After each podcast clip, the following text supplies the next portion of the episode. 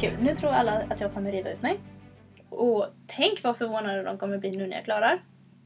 Och så tänker jag på wow, vad roligt det kommer bli när de är förvånade och så blir jag glad av det liksom.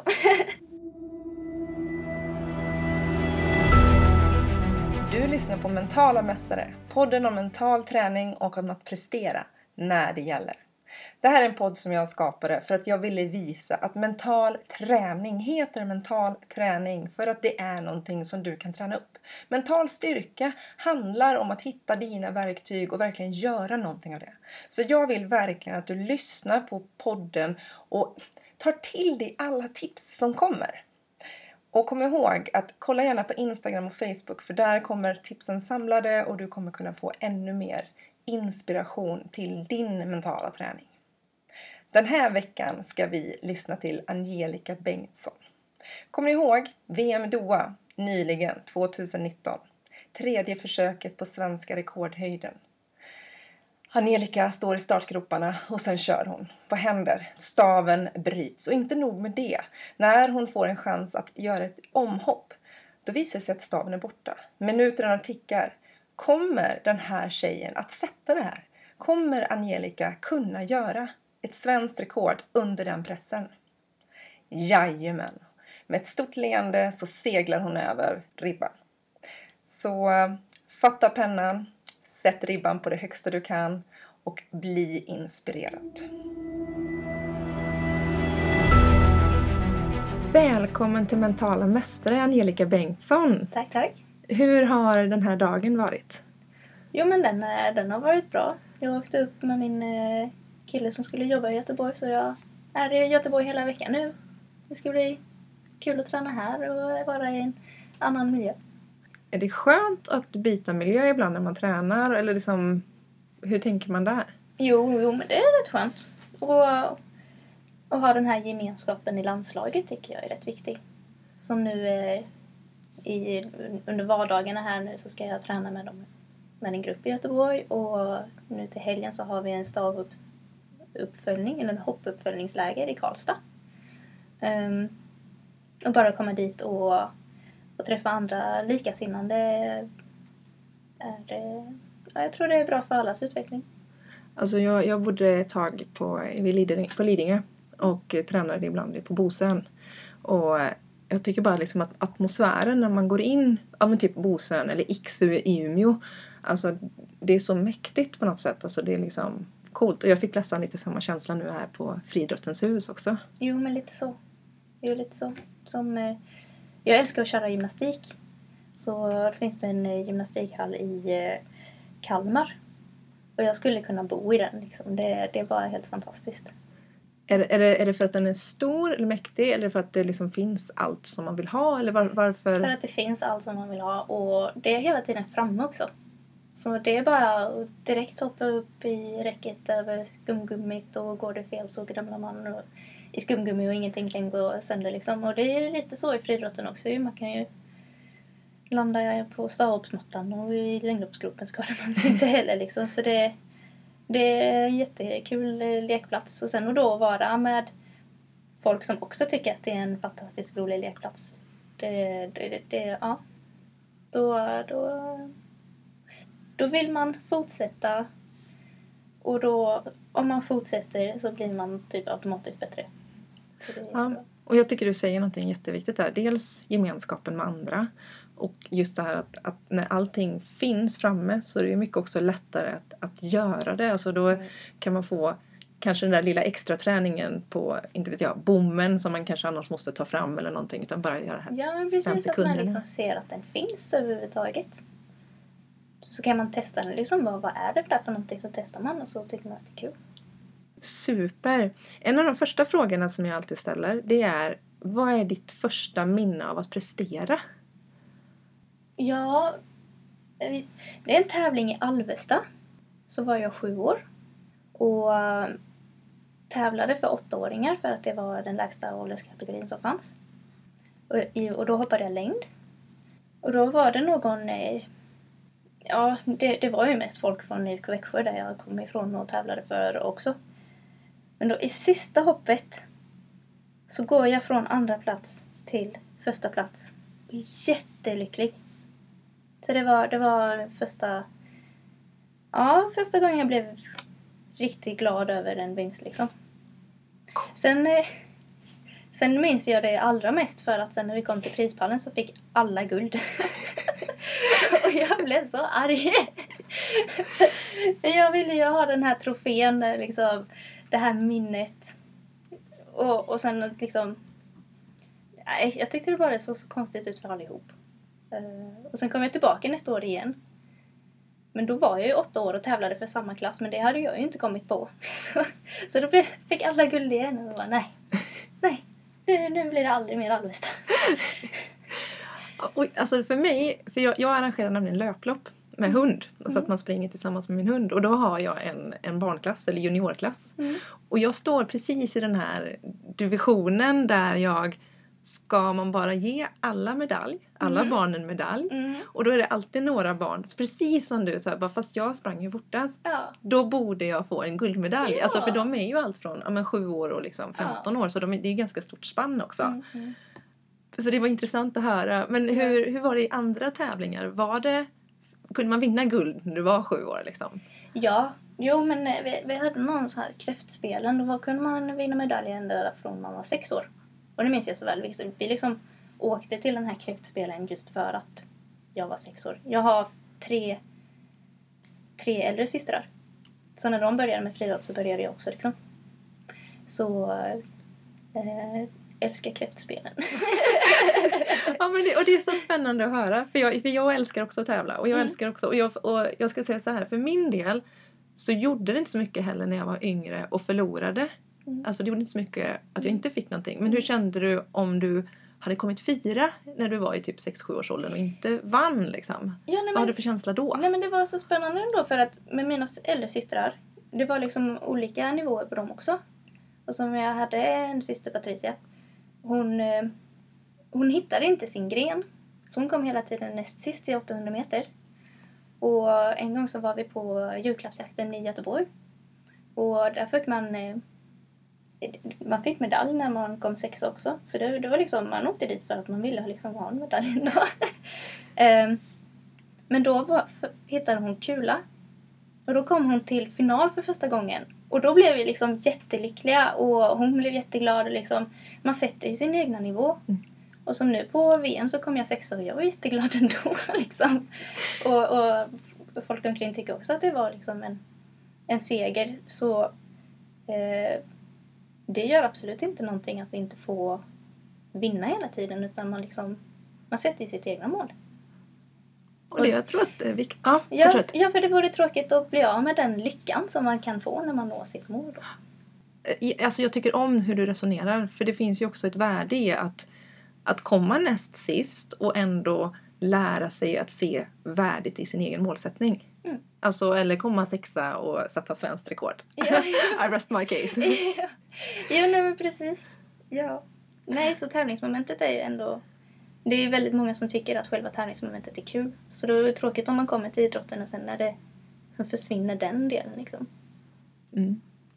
Och en av frågorna som också är just med tanke på familjen. Hur, hur tycker du att hur har ni vuxit med prestationen i familjen? Vad har prestation och idrott betytt för er? För du är ju dessutom coachad av din pappa. Eller var coachad i alla fall. Ja. Ja, nej men... Jag tyckte att det varit väldigt skönt att ha pappa som coach och hela familjen håller på med idrott liksom. Eh, för att eh, det blir hela min värld. Så jag tycker inte att det är jobbigt att gå till, idrott, eh, till träningen eller så för att det, det bara är min värld. Eh, och just som mina syskon var på olika nivåer och höll på med andra grenar och vi var liksom ett lag. Om någon annan gjorde bra ifrån sig så kunde man vara glad för den även om det gick dåligt för en själv. Så tyckte jag att det var jättehärligt att växa upp på det viset. Nu har jag en träningsgrupp som det är likadant igen. Vi är olika åldrar, vi är tävlar mot olika personer.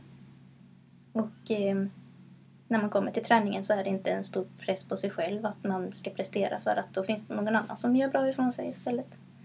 Så jag tycker, nej det är... Det blir härligt, tycker jag. Och, då, och då kommer följdfrågan också.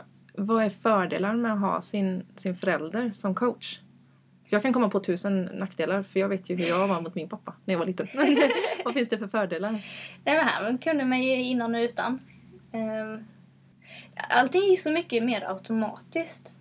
Liksom maten kom automatiskt, jag behövde inte tänka på det. Och, um, och då att han skjutsade mig till träningen för jag bor fyra mil utanför Växjö. Mitt ute i skogen. När närmsta busshållplats är en mil bort. Så att han byggde en, en eh, diskusring till min stora syster det var ju jättebra eh, för henne för liksom annars så skulle vi behöva åka iväg jättemycket och sen hade vi en längdhoppsgrop och vi hade stavhopp på tomten. Man kunde gå dit och träna när man ville. Liksom det, var, det var väldigt kul. Sen var det ju... Eh, han hade ju koll på morgonträningen också då. eh, men då var det ju liksom det var egentligen min stora syster Victoria som, eh, som skrev träningsprogrammen och nästan mest och eh, gjorde att jag följde dem också. Så eh, pappa var ju där på, på stavpassen och var med på träningarna då och då. Jag fick liksom... Jag är en väldigt kvällsmänniska också så det blev ofta att jag satt där med mitt eh, styrkeprogram och klockan blev 23 eller till och med midnatt och var ah, okej. Okay. Ja, jag kan ju inte göra det imorgon för att då ska jag ju springa. Så då får jag göra det då. Så då fick man gå ner i källaren och liksom göra det. Men att, att pappa var min tränare, nej men det var ju skönt eh, när man kom till tävlingen sen för att som vi ändå var så tajta och varje gång man åkte hem från träningen så diskuterade vi stavpasset.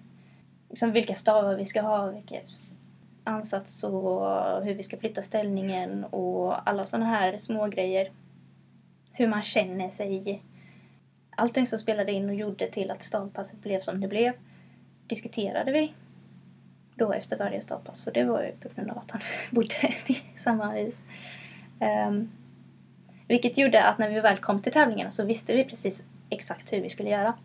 Så även om ett hopp var helt perfekt Typ när jag hoppade juniorvärldsrekord i Globen 2011. Då höjde jag juniorvärldsrekordet tre gånger. Och då var alla hoppen under hela tävlingen. Speciellt efter jag tog svenska rekordet på 52, 53 första gången. De var liksom perfekta typ. Men ändå så kunde vi säga nu backar vi bak, vi byter stav, vi tar ett annat grepp. Liksom varje gång. Varje hopp.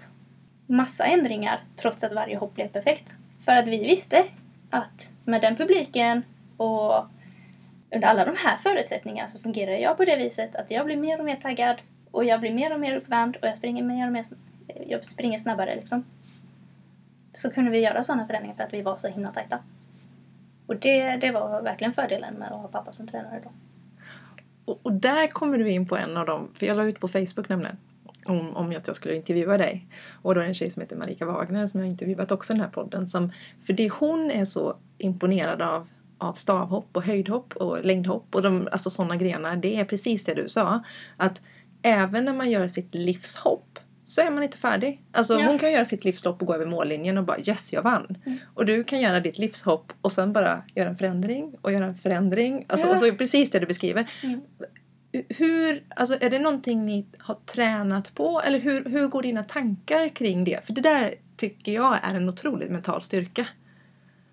Eh, jo, men typ när jag, när jag gjorde den tävlingen då hade jag redan, så jag började med stav när jag var 11 och jag hoppade en halv meter högre varje år just för att jag kom upp i stavar, jag växte och, och när jag kom då till den Globen då var det liksom då var det, titta på klockan, ah, nej men nu är det dags för en halv meter till.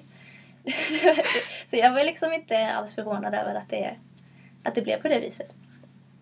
Eh, jag hade till och med sagt eh, till min omgivning att nu blir det 60 nästa vecka. Så eh, nej men på, på träningarna då så hade jag hoppat rätt högt faktiskt. Men även om jag inte hoppar på de höjderna på träning någon gång, liksom nu på träning så hoppar jag, jag är glad om jag hoppar på 60 men ändå så hoppar jag 80 på tävling liksom. Eh, just för att man har de här superkrafterna med sig på tävling. Så det kan man inte riktigt träna på. Och, och det är ju också coolt. Alltså hur, alltså hur verkligen, alltså ja men du vet det här att prestera bäst när det gäller och att man faktiskt får energi utav omgivningen snarare än att man liksom låser sig. Så upplever jag precis som du beskriver att du snarare får liksom superkrafter. Ja. jo, men det, det, det verkar vara lite olika från eh, grengrupp.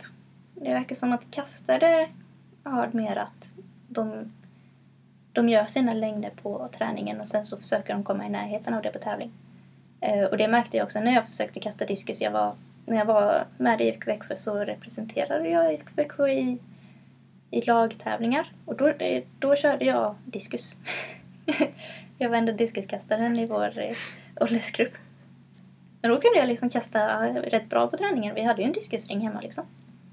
Men på tävlingar då, då var det hela tiden buren. För det, det här med att bli taggad på tävling, det funkade inte i kast. um, sen tror jag också att om man är trygg i sin teknik så vet man vad man ska ta i sen på tävling. Och jag är väl väldigt trygg i min teknik. Vad skulle du säga är din största mentala styrka? Ja, det omgivningen säger är att eh, jag är väldigt bra på tredje besök. Ja, och det, det, det är väl också trygg i också. Ja, det är väldigt ofta jag tar i tredje besöket. Sen eh, är det inte så bra för själva tävlingens utkomst. det är inte alltid man vinner medaljer på det viset. Eh, men man är i alla fall med i tävlingen fort länge. och, och det blir ju ändå den här extra pressen alltså, som verkligen plockar fram ännu mer. Mm. Har du någon tanke kring att... Hur ska jag uttrycka mig? Eh, har du någon tanke på liksom, vad är det som händer när du plockar fram det tredje försöket och som du kan plocka fram tidigare? Alltså har du börjat liksom... Ja, jo, jo, det, det har jag eh, funderat på. För jag vet ju att det som händer på tredje försöket är att jag frågar mig, men vad händer om jag river? Och då är inte det så farligt. Då är det liksom, ah, ja, men då blir det nästa tävling. För jag har aldrig varit den här som, som gråter efter en tävling liksom. Eh, utan då är det liksom, ja, nästa tävling. Men det är ju för att jag har tävlat sedan jag var sex och jag vet ju att det blir väldigt många tävlingar efter liksom. Så, så då står jag där inför tredje försöket och bara, ja, vad, vad kan hända liksom? Så då ger jag upp. Och då börjar jag hoppa på det viset som jag vill hoppa på. För jag är ju en nörd i hur, hur man ska hoppa.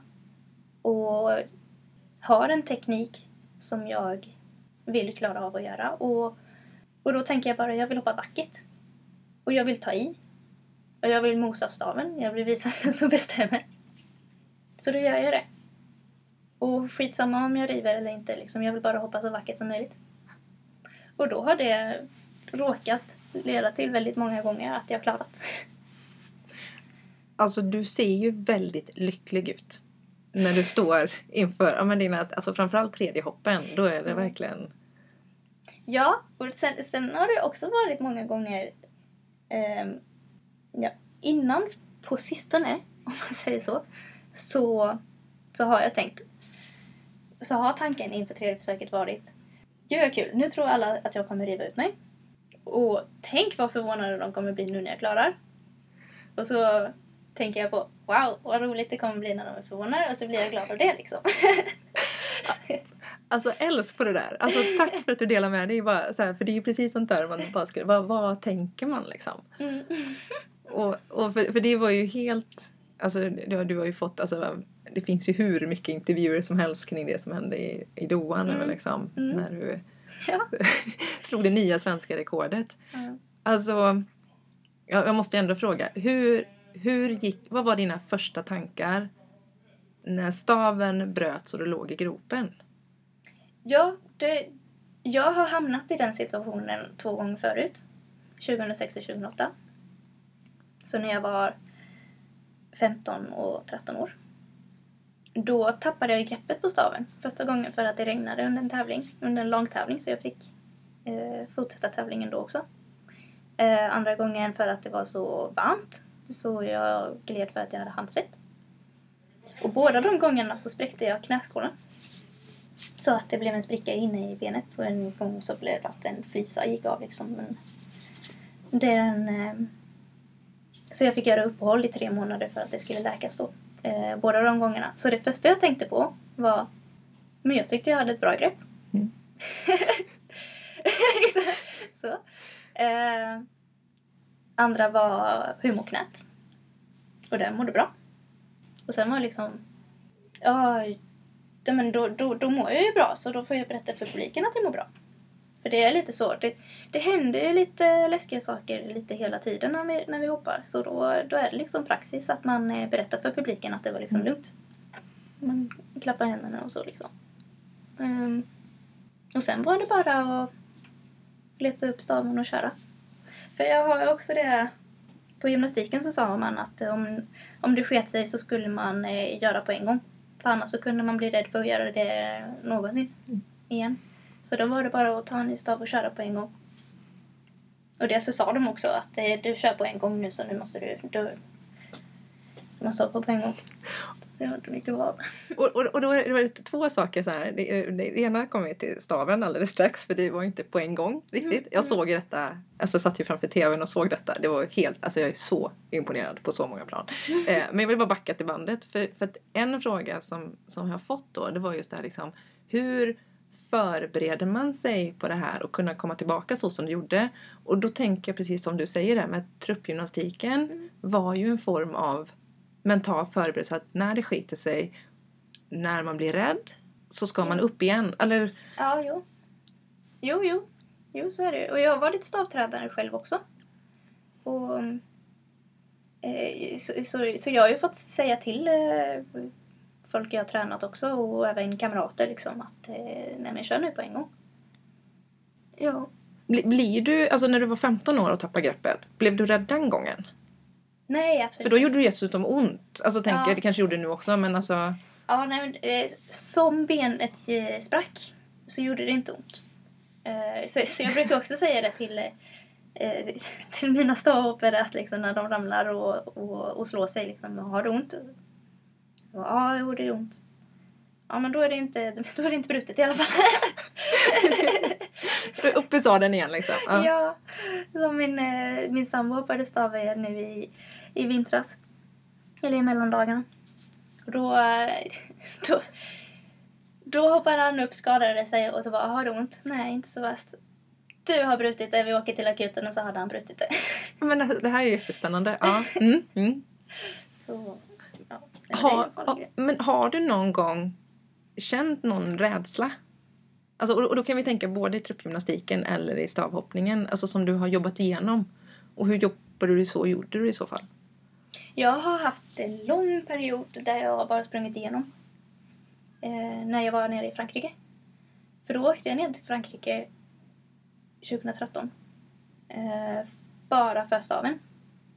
Så jag gick inte i skolan, eller jag hade lite kvar på gymnasiet. Jag gick sista året på gymnasiet när jag fortfarande var där nere. Men det var inte, det var liksom inte alls mycket det. Ehm, det var typ franska. så jag hade ingenting att göra om dagarna liksom. Det var bara stavhopp. Och eh, samtidigt så började jag få lite ont i händerna och träningen var annorlunda och jag var långt hemifrån och fick inte till maten och, och, och, och att gå från att bli tränad av pappa som ändå var min idol på något sätt. Jag ville liksom visa upp mig. Jag, ville, jag älskade att höra pappa prata med andra personer och liksom bara ah, min dotter kan göra sånt där och hon, hon har funnit det där och liksom höra honom skryta om mig. Det var liksom det jag levde för typ. um, så att gå till, eh, åka till Frankrike och liksom folk som jag egentligen inte riktigt bryr mig om. Uh, lika mycket som jag bryr mig om min familj och um, mina tidigare vänner. Eh, då tappade jag motivationen. Jag tror det var mer det som hände än att jag blev rädd. Mm. För det, det är ju också det här kritiska stadiet när man som stavhoppare går från att hoppa två meter och liksom kommer upp i höjder.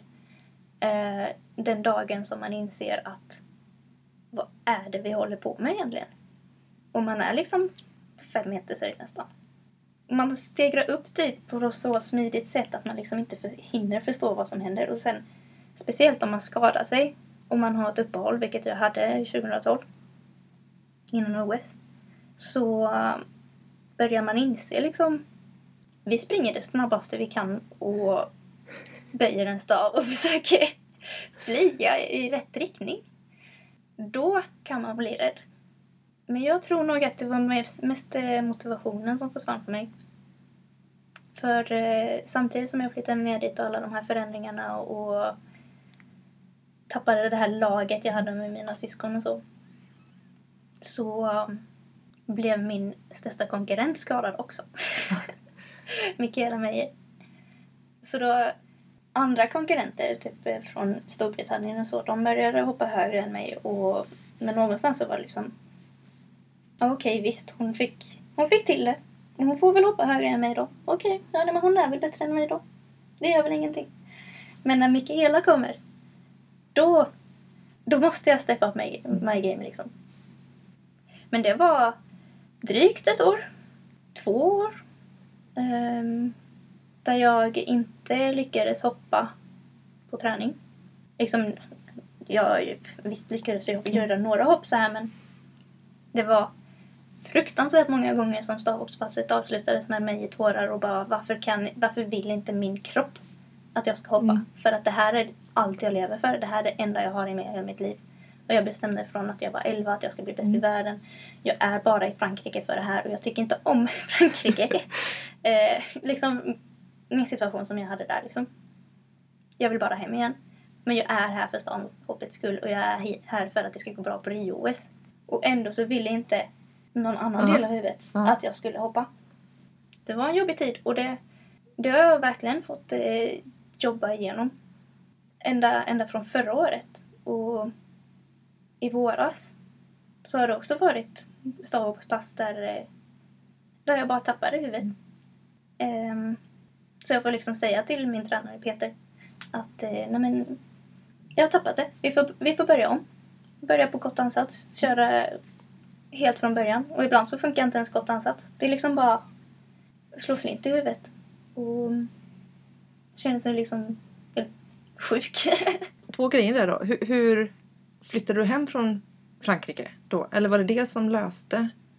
Ja, jag, Eller... jag flyttade hem från Frankrike inför, strax inför Rio-OS. Eh, av många anledningar. Jag hade en sambo där som höll ihop hela mitt liv och jag ville inte vara med honom längre.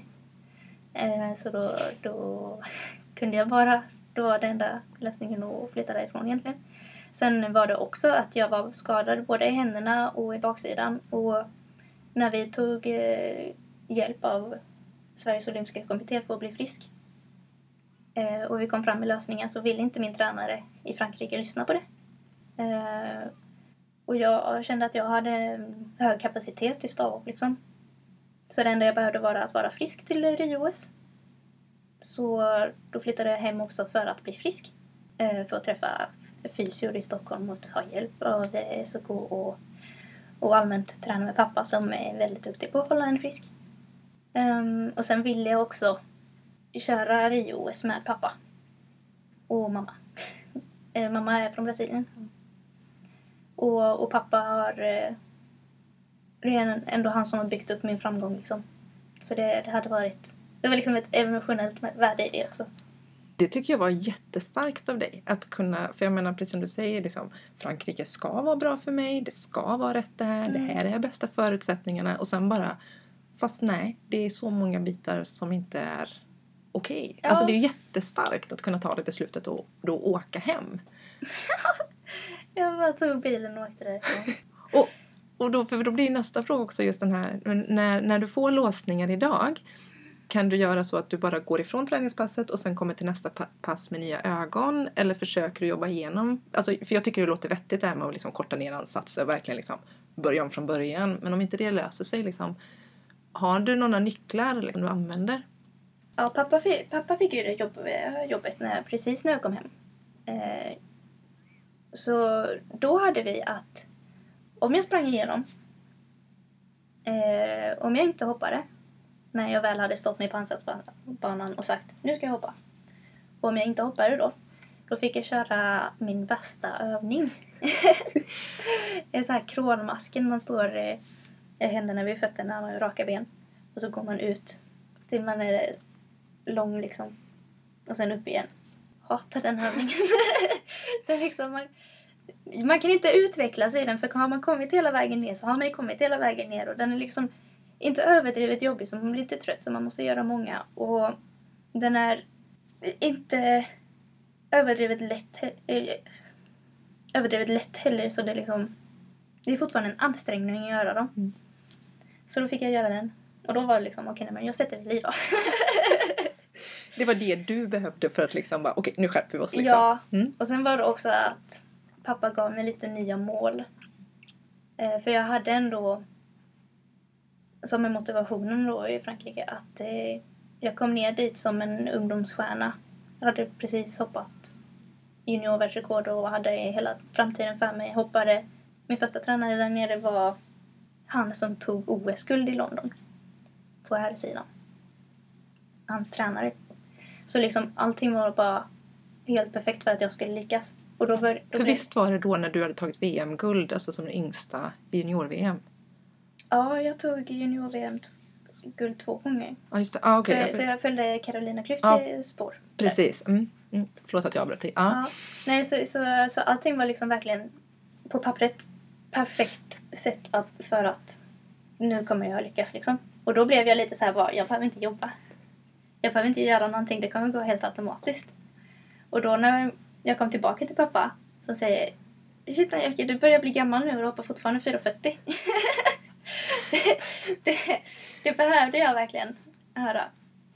Ehm, Ba- Bara en sån sak som pappa kan säga med kärlek och som man inte tar personligen utan Ja. man tar det på rätt sätt. Jo, jo, men verkligen för mina syskon var liksom bara "Åh, pappa är så hård med det och jag bara det här är exakt det jag behöver höra. Nu har jag liksom ett mål med livet igen. Så ja, nej, jag behövde verkligen åka hem för, av flera anledningar. Men så jag, ja, jag har haft många mentala problem. Det har jag faktiskt. Eh, och jobbat med det men jag har prövat mentala rådgivare men det har liksom aldrig varit den här tävlingsmomentet. Har alltid varit min undanflykt från livet liksom. Älskar tävlingsmomentet. Och under eh, de här åren när jag bara sprungit igenom på träning då har jag ändå kört alla tävlingar. Och jag till och med kört det när jag varit skadad.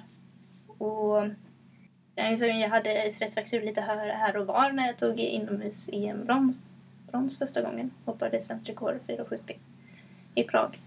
Ehm, för att på tävling vet jag exakt vad jag ska göra. Mm. Så då blir det konstigt om jag går till en mental rådgivare som, eller idrottspsykolog som, eh, som brukar bara specialisera sig på tävlingsmomentet egentligen. Alltså det här är så himla roligt att du säger det för jag har precis släppt ett avsnitt med Lisen Bratt Fredriksson och Peder Fredriksson, eh, ryttarna. Eh, och då pratar vi just om det att för många tänker liksom mental träning, det är nervositet vid prestation. Mhm. Men det är ju lika mycket mental träning som du säger. Alltså det kan vara vid träning. Mm. Eller det kan vara bara management. Att man ska hitta rätt person att träna. Eller, eller Mm. träna för coach. Alltså det är verkligen så här. Vem... Och, det, och som jag sa till dig förut just det här att. Vad behöver jag? Mm. Alltså, jag, alltså någon annan kanske tyckte liksom att gud vad hård din pappa var mot dig. Och du bara, fast det är ju precis det jag behöver. Mm. Medan en annan person hade liksom bara slutat. istället. Alltså Mm. det är det som är så spännande med liksom det mentala med huvudet. Liksom. Ja.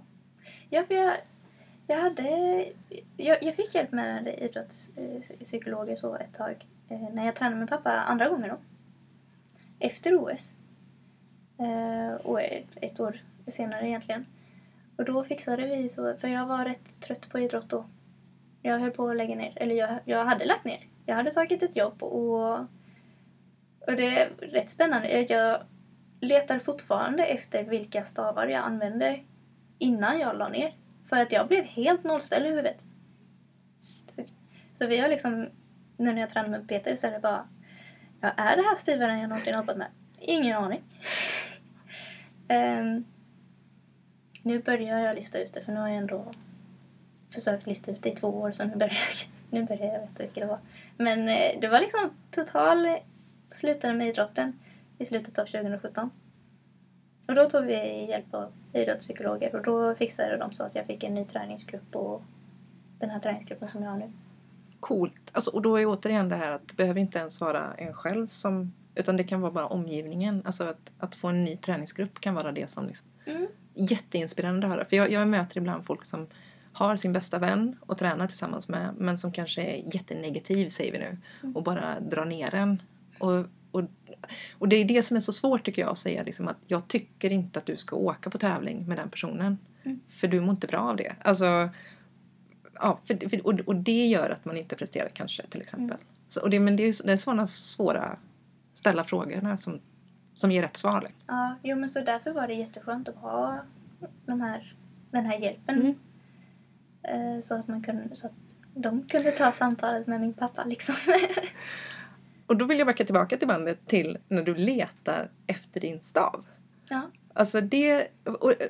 Dels för att det tog sån tid att liksom bara slappna av. Men också det här som jag reagerade på. Det är just den här värmen du har.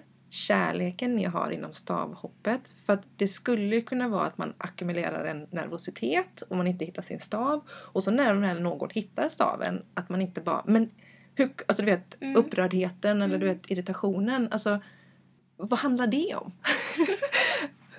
Nej men det var så skumt ändå. För att jag har aldrig varit med om det förut. Jag har aldrig hört talas om att någon skulle ha lagt ner ett, en stav i eh, en, annan, en annans fodral liksom. Eh, eller sitt, eh, tagit en annan stav och satt hela vägen in i fodralet. Innan man märker vad, att det är någon annans. Eh, förutom tre veckor innan då jag gjorde det för en annan.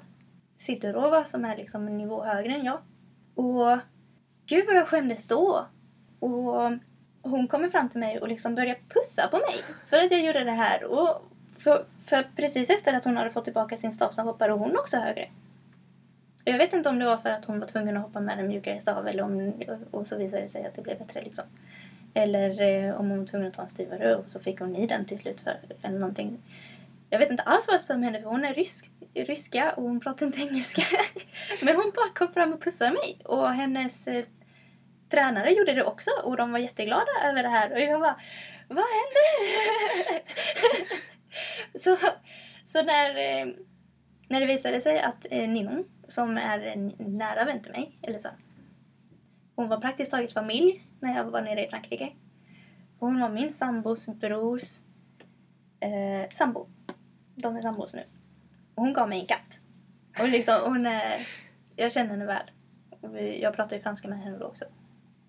Så jag, jag vet ju att hon absolut inte skulle vilja göra mig illa. Och sen också så blev det lite så här karma. Att jag förtjänade verkligen att någon tog min stav. Just som jag gjorde samma sak för en annan. Och då, och då vet jag ju exakt hur hon kände också. Och då kan jag ju absolut inte vara arg på henne på något vis. Men det var verkligen så här ödet. och, men då, här, då var det ju på tredje försöket som jag bröt staven. Och då inför det tredje försöket så hade jag redan gett upp. Så när staven bryts och jag letar efter min andra stav, då går jag runt där och har redan gett upp. Så om, om staven kommer fram, ja då är det ju bra. Om staven inte kommer fram, ja, skitsamma. Så det var det, var det sinne- sinnesstadiet jag var i. Och så blev det så magiskt för det var ju Mm. alltså så magiskt var det. Ja, men för då också när, när jag får gå ner till en mjukare stav, då vet jag att jag har energin till att böja den här hur lätt som helst. Jag behöver inte ta i. Så jag, och jag får inte ta i för att det skulle jag göra med den andra staven som var styvare. Då skulle jag liksom attackera och hoppas på det bästa. Medan nu så, det enda jag fick lov att göra var att hoppa vackert.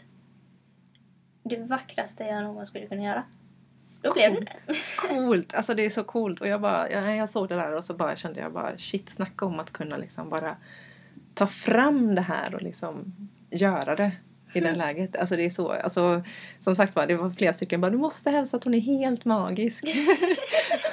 och så just det här också tror jag mycket är värmen som du utstrålar. Alltså det är just det här, ja men lycka och värme liksom och så bara pang!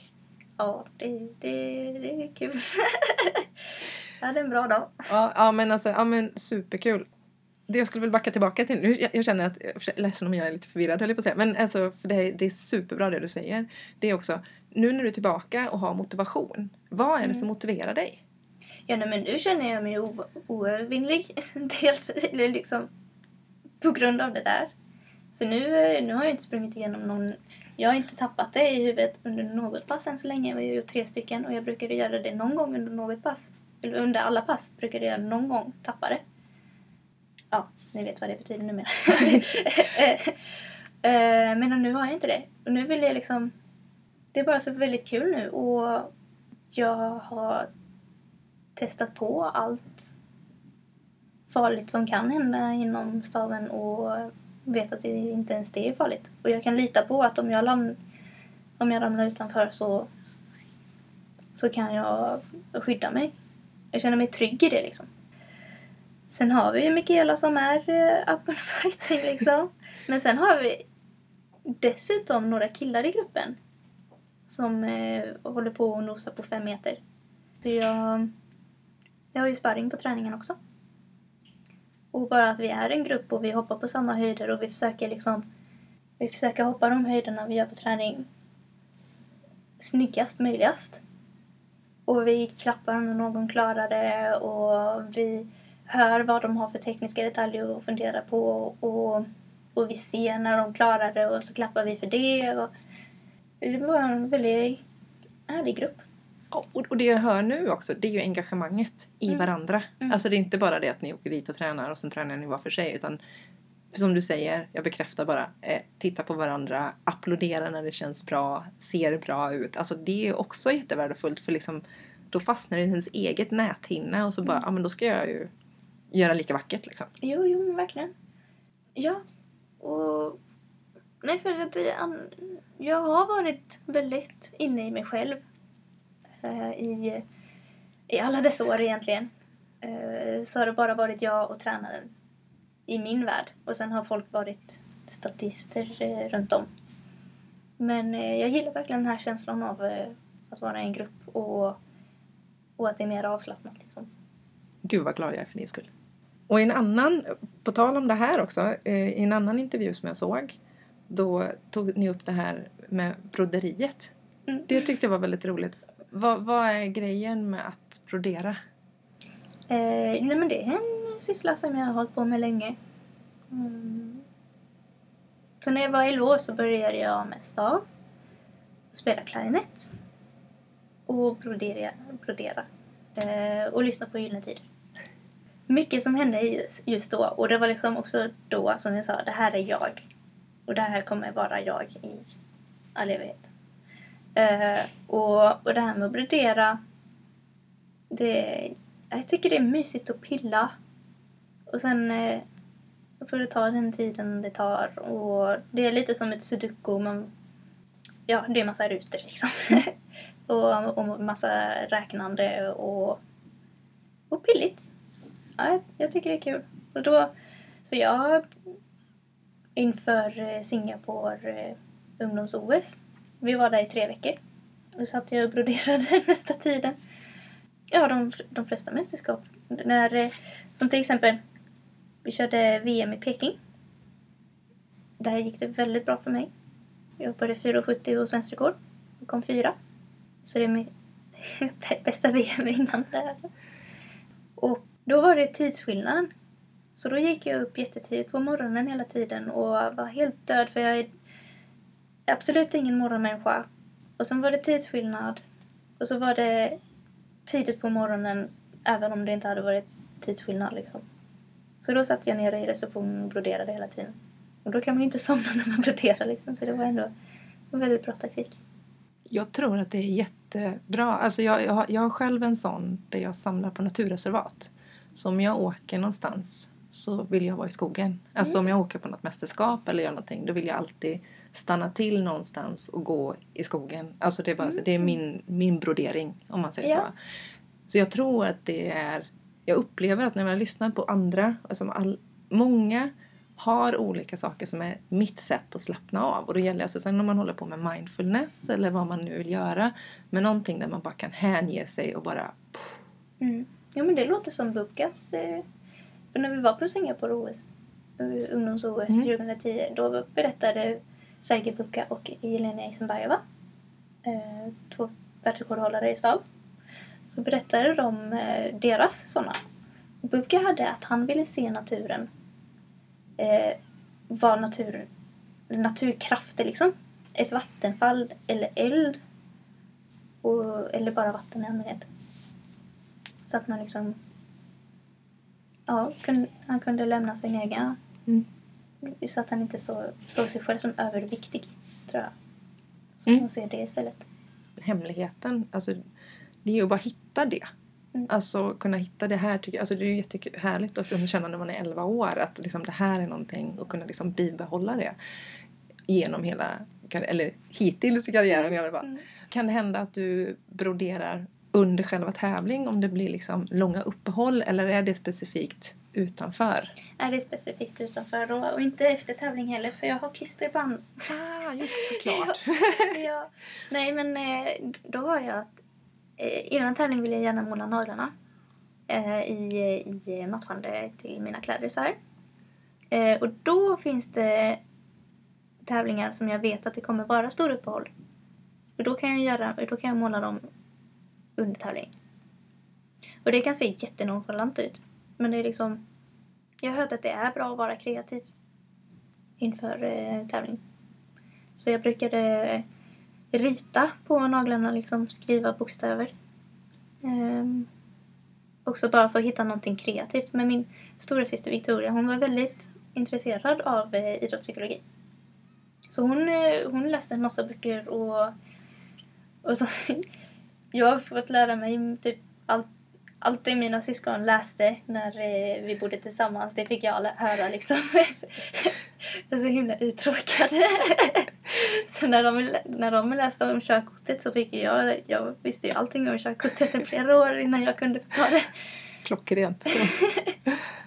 Så, så nej men bara vara kreativ eh, på något sätt innan tävling tror jag är bra.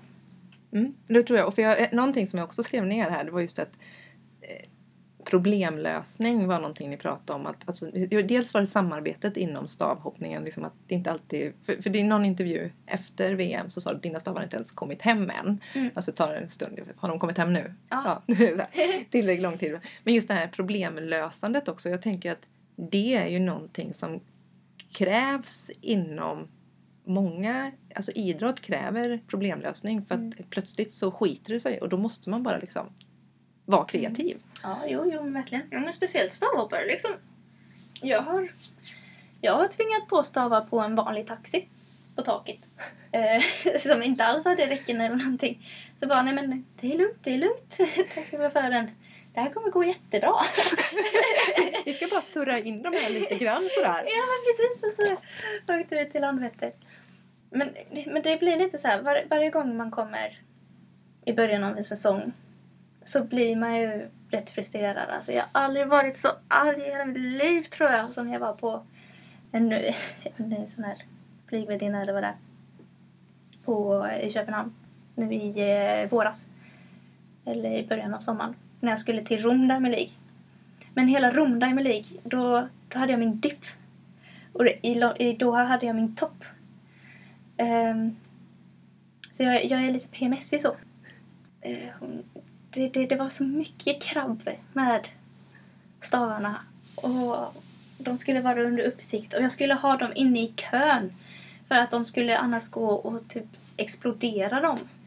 Och då blev det liksom bara mina bebisar! Ska jag explodera dem? Usch. Nej, så, så, jag, så jag är inte alltid jätteglad. Vad skönt att höra då. Men jag tror, alltså verkligen. Vi är bara mänskliga liksom. Vi är bara mänskliga. ja. Nej men åh. Och sen, eh, sen var det liksom flyg, flygen var försenade och allting och liksom bara hela den här resan till Rom Diamond League där jag vann. Fantastisk tävling. Men under den tävlingen också bara total kaos. Alltså jag, jag jag tycker så synd om min tränare. Så när vi åkte därifrån så var det liksom, jag hade vunnit lite pengar. Så då, då gick vi och typ jag köpte en dyr väska till honom. Liksom bara, förlåt för att jag är ett sånt as. Liksom. För jag var så himla arg och... Mm, under hela den resan. Men sen, sen har, har vi ju rest jättemycket under sommaren. Och nu när eh, vi åkte till VM, som vi skulle åka hem hela landslaget tillsammans. Och då åkte vi eh, så alla som skulle till Kastrup, vi ställde oss i en kö och vi liksom samarbetade lite så. Och då var jag tillsammans med kastare. Liksom, de, har ju, de har ju sina grejer med sig också, men de är ju små.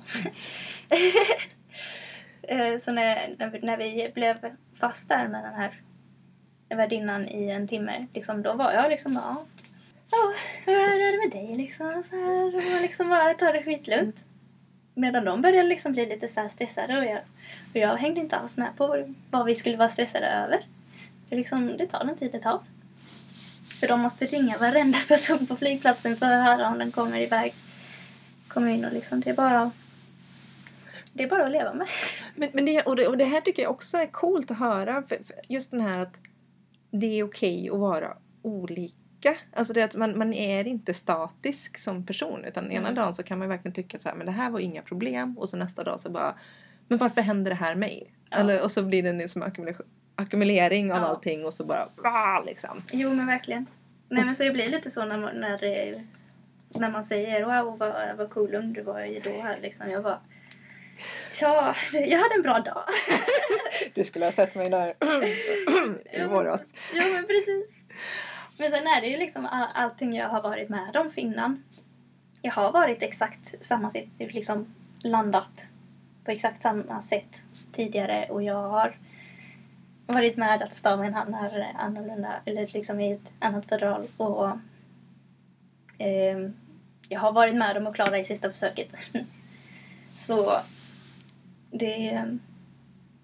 Och sen också det här med att jag visste att jag hade ett adrenalinpåslag.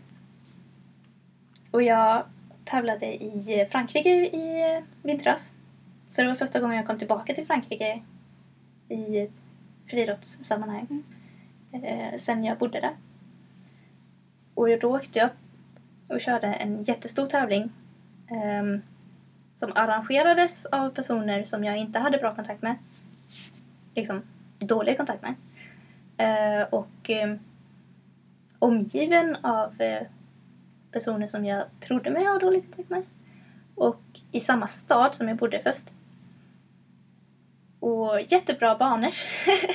Så jag visste också där att jag behöver inte anstränga mig för att ha ett adrenalinpåslag. Jag behöver inte köra min sån här hårdrocksmusik eller någonting eh, sånt här. Utan jag kunde bara ställa mig på banan och bara flyga fram. Jag behövde inte ta i för att jag visste liksom det kommer Mm. finnas där. Och det, och det tänkte jag också tillbaka till innan jag hoppade där efter jag hade brutit staven. Så det tänkte jag faktiskt på. för att ta, ta, ta du, Ja. du frågade mig innan. Eh, och det var liksom, jag har ett adrenalinpåslag, jag behöver inte ta i. För det funkade där. där. Och i Klammerfran då så hoppade jag 81. Så då passade jag med eh, rätt många centimeter också. Alltså det här måste jag också bekräfta. För, för jag brukar säga att variation är trygghet. Och när jag säger det så är det att om det händer saker som gör att det skiter sig, ja men alltså vad det nu kan att det är dåliga människor där eller att det staven bryts. Mitt sätt att hantera sånt är fan vad bra att det hände mig. Mm. För då är jag redo nästa gång. Mm. Alltså, så att jag, jag försöker tänka att okej, jag har aldrig tränat på vått gräs. Och det kommer, jag har fel skor. Vad bra, för då får jag en förutsättning att nästa gång, och då kanske jag står på en annan tävling som betyder mer eller vad det nu kan vara. Ja. Och då kommer jag ha bättre förutsättningar. Så, och det Mm. låter, även om det kanske inte är så du tänker, så låter det lite så som du hanterar det. Ja, jo men eh, en dålig tävling är ju bara någon, en tävling man har lärt sig någonting på. Och när det skiter sig så är det asbra. man bara, då kan man ju, nästa gång det händer liksom. För Ja. shit happens ju hela Ja, tiden. det gör ju det. Och så är det nästa tävling igen. Åh. Alltså det här samtalet är helt asbra. Sociala medier. Mm. För det jag reflekterar, för du har gjort ett inlägg att du gick typ från 25 000 följare till 50 000 följare. Ja. Alltså, ett, eller jag kan ställa två frågor egentligen. Eh, alltså, vad har du för relation till sociala medier? Jag tycker inte att det är jättekul att hålla på med. Eh, jag, eh, alltså jag, jag tycker att det är pinsamt att fråga någon kan du filma mig när jag gör det här. Nu är det lättare i den här gruppen som jag är med för att vi har en av våra tränare är väldigt intresserad för sin egen skull. Så han filmar rätt mycket. Eh, och så kan man bara fråga kan du ge mig den filmen? Eh, och sen eh, så, så, så är jag så trygg med dem också så att jag kan liksom vara okej nej men du vet, det, jag, måste ta, ta, jag, måste, jag måste ta hand om min Instagram. Liksom. Kan ni ta och filma? Eh, men det är liksom så jag ser det, att jag måste ta hand om det. Mm. Eh, för att det är det är det nya idrottsklimatet. Det är så man tjänar pengar nu för tiden och så man måste Mm. göra det. Och sen så förstår jag att det är intressant också. Så jag, jag tycker ju om att följa eh, typ Sandy Morris. Eh, bland de bästa i världen i, i stavhopp också. Och inte för, inte för att snoka liksom, men för att eh, bli motiverad och jag tycker det är intressant att följa deras liv. Och eh, även andra idrotter och jag följer jättemycket. Mm. Eh, så jag förstår ju ändå någonstans att man kan tycka att det är intressant. Eh, men jag ser det som ett jobb. Och nu när jag fick så många nya följare så stod jag lite i ett vägskäl. Liksom, ska jag nu börja lägga ut jätteproffsiga saker och känna jättestor press över att det måste vara perfekt? Eller ska jag lägga ut mer och det får vara vilken kvalitet som helst? Och då har jag nu eh, försökt att köra bara, jag lägger ut mer. Och sen kommer någon av alla de där 50 000 tycka om någonting Mm. av det. så, så jag försöker inte lägga någon press. Och, för jag tror att det är precis som du säger, alltså det är ett annat klimat idag. För det finns alltså det är ju verkligen ett, ett ställe där man kan få ekonomi i sin idrott. Alltså helt klart. Och, och just det här att man vill ju inte ha en prestationsångest extra Mm. bara för liksom den. Så det låter väl jättebra så som du har valt att göra. Ja, för att det är en... eh, Det är ju ett riktigt jobb. Så det är folk som har det som heltidsjobb. Ah. Och, och, komma upp med material och redigera bilder. Och det tar, liksom, även om man inte redigerar bilderna så tycker jag det tar en evighet att skriva texten. Ja, ja. ja det tar, alltså, jag, jag, jag tänker ibland när man sitter själv och skriver ett inlägg och verkar så här, tänk om folk visste hur lång tid det tar. För det tar ju inte Eller hur? 20 minuter. Nej. Det, gör det ju inte. Nej. Och då sitter man en, liksom försöker göra det så Ja. kort det bara går. Och då liksom om det typ står fem ord så är det ju ändå en hur lång process som helst att komma fram till vilka fem ord det ska vara. Ja. Ja, men jag är helt enig med dig. Så, ja. Mm. Jag tycker det, jag, jag har ju varit med i, från den tiden innan när Instagram kom också. Liksom. Jag har haft en lång karriär. Eh, och det var skönare. Det var färre, mindre konkurrens på sponsormarknaden och man fick betalt för hur man presterade. Liksom, man fick efter eh, höjd, rekord och medaljer. Och det var någonting som jag ändå kände att jag hade inom min kontroll och liksom någonting jag kunde kämpa för. Liksom jag, det är det jag gör om dagarna. Jag tränar för att kunna ta de Mm. medaljerna. Men att, att man ska bli eh, influencer också. Det var inte riktigt det jag signade upp för. Och det tar ju mycket tid. Är detta någonting som inom SOK eller friidrotten, är det någonting man pratar om? För jag tänker, för det är så pass nytt också. Mm. Så det är ju egentligen någonting man skulle... Alltså, som du säger, det är ingenting som jag har signat upp för. Och, och, det är ändå en ganska viktig del, eller det har blivit i alla fall. Mm. Är, det någon, är det någonting som förs upp som en dialog? Alltså, Ja, inte mer än att vi inte får... SOK säger då att vi inte får prata om så mycket om OS. Det, är väl det enda de säger egentligen. Så vi har, vi har ju fått en må- många... En massa inte får göra. mm, pekpinnar. Ja. Ja. Vid, vid Rio-OS så fick jag många pekpinnar från min sponsor då. Ehm, och, och sen har man ju träffat sponsorer som bara, nej men eh, jag hade ju gärna velat hjälpa eller så här, sponsra dig för att du har ju presterat och, och grejer så här men, men de får följa det liksom. Nu tror jag inte att det borde vara ett stort, stort problem längre. Nej, nu, nu känns det som att du är... det, var, det, var, det var väldigt bra att staven gick sönder. ja, och det känns också lite så här märkligt. Så det är inte heller i mina händer att jag ska bryta staven varje gång. men, men det verkar som att folk ändå uppskattar rekordet. Upprättade rekordet och alltså den prestationen du gjorde. Alltså, för det, det är ju verkligen en, en stark prestation. Alltså, liksom, för jag tror också att... Alltså, jag, jag har haft en... Jag har, jag har testat att hoppa stav och det är ju väldigt, väldigt speciellt. Eller alltså det är som du säger, man måste ju lita på staven och man Mm. måste lita på sig själv och så vidare. Så jag tror att många förstår också, jag ska inte säga det, men den respekten som stav Ja. er. Ja, man, det var nog många som förstod det just då liksom. När man liksom ser att det kan faktiskt gå Ja, väldigt illa. och precis som du sa, för det första man bara så här, för det, för det tog ju typ ett par sekunder innan du reste dig upp. Mm. Alltså jag kan ju verkligen se hur du tänkte det som du beskrev Ja. förut. Och man bara kände så här, men gud, har det hänt någonting? Alltså shit, shit, shit, bara, det var ingen fara. Mm. Och sen bara, oh, så var det någon, vet, reportern bara, jag tror att hon fått omhopp. Tror du det? Nej men det tror inte jag. Nej, men, alltså, tror du det? Ja men det vet inte jag. Vet hon det? Ja, men, du vet, massa sådana saker som folk inte man kanske inte vet om. Eller du vet Ja. som, alltså, som tv-tittare Mm. eller liksom sådär. Så det var, men var du medveten om att går staven sönder då ska du få ett omhopp? Eh, ja, eh, domaren kom fram till mig liksom innan jag hade fattat att det var staven som bröt. Jag trodde ju Ah. fortfarande att eh, jag hade tappat greppet. Eh, då kom han fram och bara, ditt material gick sönder. Du får hoppa igen. Coolt. Så om eh, typ, spjutet hade gått sönder också så hade han fått göra, kasta om spjutet. Liksom. Ja. Coolt. Ja. Är det någonting som du känner bara, det här hade jag också velat prata om eller tipsa någon om? Ja, jo.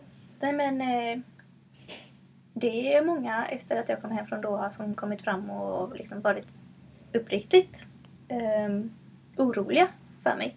Liksom, de hade börjat gråta framför tvn och, och så. Som kom fram till mig och nästan började gråta då igen. Min pappa var jätteorolig. För jag trodde först att han liksom tyckte att det var lite coolt. Eh, för jag fick ju höra via Expressen så här att han hade skrivit att det var ju roligt men det var ju läskigt. Och det var liksom, ja fast han tyckte det var kul.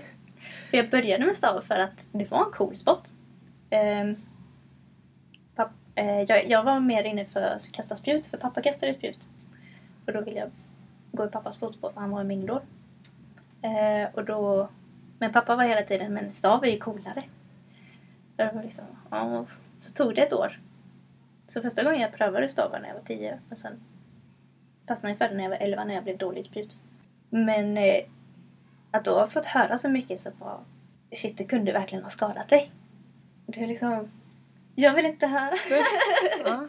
så, så egentligen så borde jag tagit eh, en vila ifrån staven nu i en månad. Men vi har kört igång med staven nu på en gång istället så att, eh, så att jag inte får för mig att det är farligt. Smart! Va, men vilken, snacka om... Alltså, alltså du vet så här, okej det här skulle kunna bli någonting om man liksom inte gör det. Alltså, för det blir ju en... Att hoppa upp i sadeln fast i en helt annat läge. Ja, jo men lite så. Det var ju jättesmart. Ja men för jag, jag har kunnat sitta så om kvällarna så här bara shit, folk tycker att det här var otroligt. Jag bara, men det tycker inte jag. Men du, jag måste gå och hoppa. Ja, men, och, och, istället, och, då- och istället så förvandlar du det här till den här känslan som du har nu. Jag är oslagbar. Ja. Alltså det är så snyggt. High five på den. Den var, den var riktigt snyggt tyckte jag. Mm. Ja, jo nej, men för det, det funkar inte att gå runt och tänka, jag får inte tänka att det är läskigt. Utan det liksom, då får man ju istället gå och säga, tänk att jag är oslagbar. Och så bara känna den känslan också liksom på träning. Ja men underbart. Om, om du hade velat att jag intervjuade någon annan i med liknande samtal, vem hade du velat lyssna på då? Ja, det är väldigt spännande att höra hur stavhoppare tänker. Utom, man har ju säkert olika knep. Någon gång under hela sin karriär, någon gång under karriären så inser man ju vad är det vi håller på med. Liksom. Så vilken stavhoppare som helst egentligen. Men sen är det ju också folk som har skador och som ändå fortsätter. Det är också en väldigt spännande genre. Är det någon speciell som du kan tipsa om? Um, nej men typ Kaddi då. Hon, eh, hon har haft många skador men eh, kommer hela tiden tillbaka.